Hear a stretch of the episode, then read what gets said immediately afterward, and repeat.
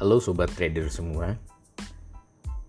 Sesuai dengan permintaan salah satu dari sobat trader buat bahas tentang saham Garuda Indonesia.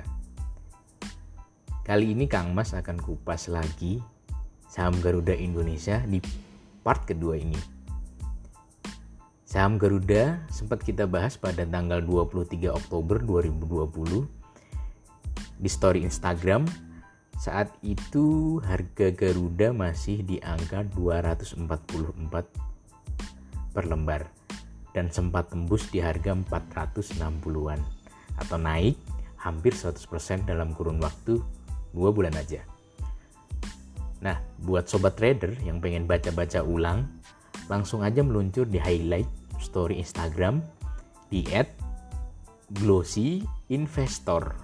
Glossy-nya S-nya double ya Nah, hari ini tanggal 1 Juni 2021 eh, saham Garuda udah turun nih ya. Lebih dari 50% dari harga tertinggi dia di setahun terakhir ini. Nah, di tanggal ini harganya eh, 264. Oke. Nah, bagaimana nasib saham Garuda ini di tahun-tahun mendatang? Nah, kita coba akan bahas sedikit uh, kelanjutan cerita dari saham yang berkode GIAA ini. Nah, buat sobat trader yang belum follow, bisa follow dulu nih. Sebelum kita lanjut obrolan kita.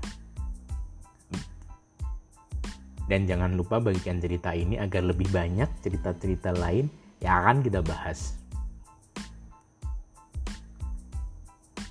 Nah, belum lama ini pemerintah menawarkan beberapa opsi nih buat Garuda Indonesia.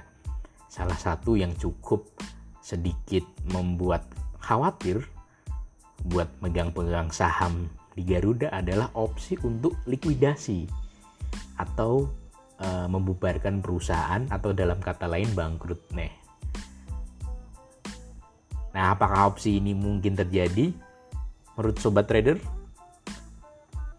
Mungkin bisa saja, mengingat hutang yang Garuda punya itu cukup fantastis. Kurang lebih 70 triliun.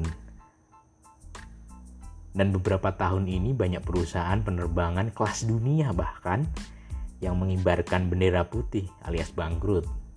Di antaranya Flybe, perusahaan asal Inggris dan kurang lebih 43 maskapai penerbangan lainnya sepanjang 2020 ini. Nah, tapi uniknya eh, kita semua tahu Hairul Tanjung bahwa beliau ini dikenal sebagai salah satu orang terkaya di dunia, sekaligus investor yang cukup eh, kawakan, berpengalaman. Nah, tapi anehnya beliau ini malah justru menambah kepemilikan saham di Garuda Indonesia.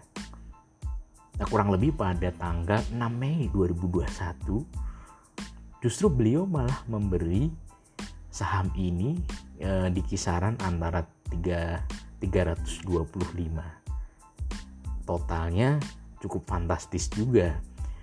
317,23 miliar penambahan beliau di saham Garuda. Nah, apakah Khairul Tanjung ini tahu sesuatu yang mungkin kita tidak tahu.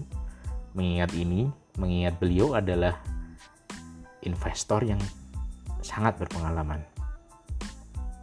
Kalau dilihat dari sisi teknikal saham Garuda ini mengalami tren penurunan dan membentuk uh, dead cross yang mengindikasi uh, dia akan mengalami tren penurunan cukup lama.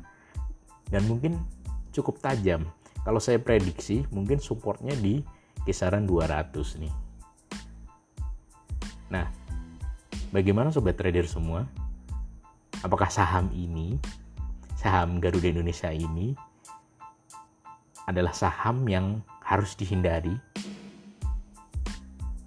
Atau sobat trader semua melihat bahwa saham ini adalah peluang untuk mendapatkan keuntungan sebesar-besarnya? Jangan lupa uh, saya tunggu komen kamu di bawah ini agar mungkin kita bisa bahas di part selanjutnya. Oke, segitu dulu dari Kang Mas Ugis. Kita akan lanjut di part-part berikutnya. Terima kasih. Salam sukses selalu buat sobat-sobat trader semua.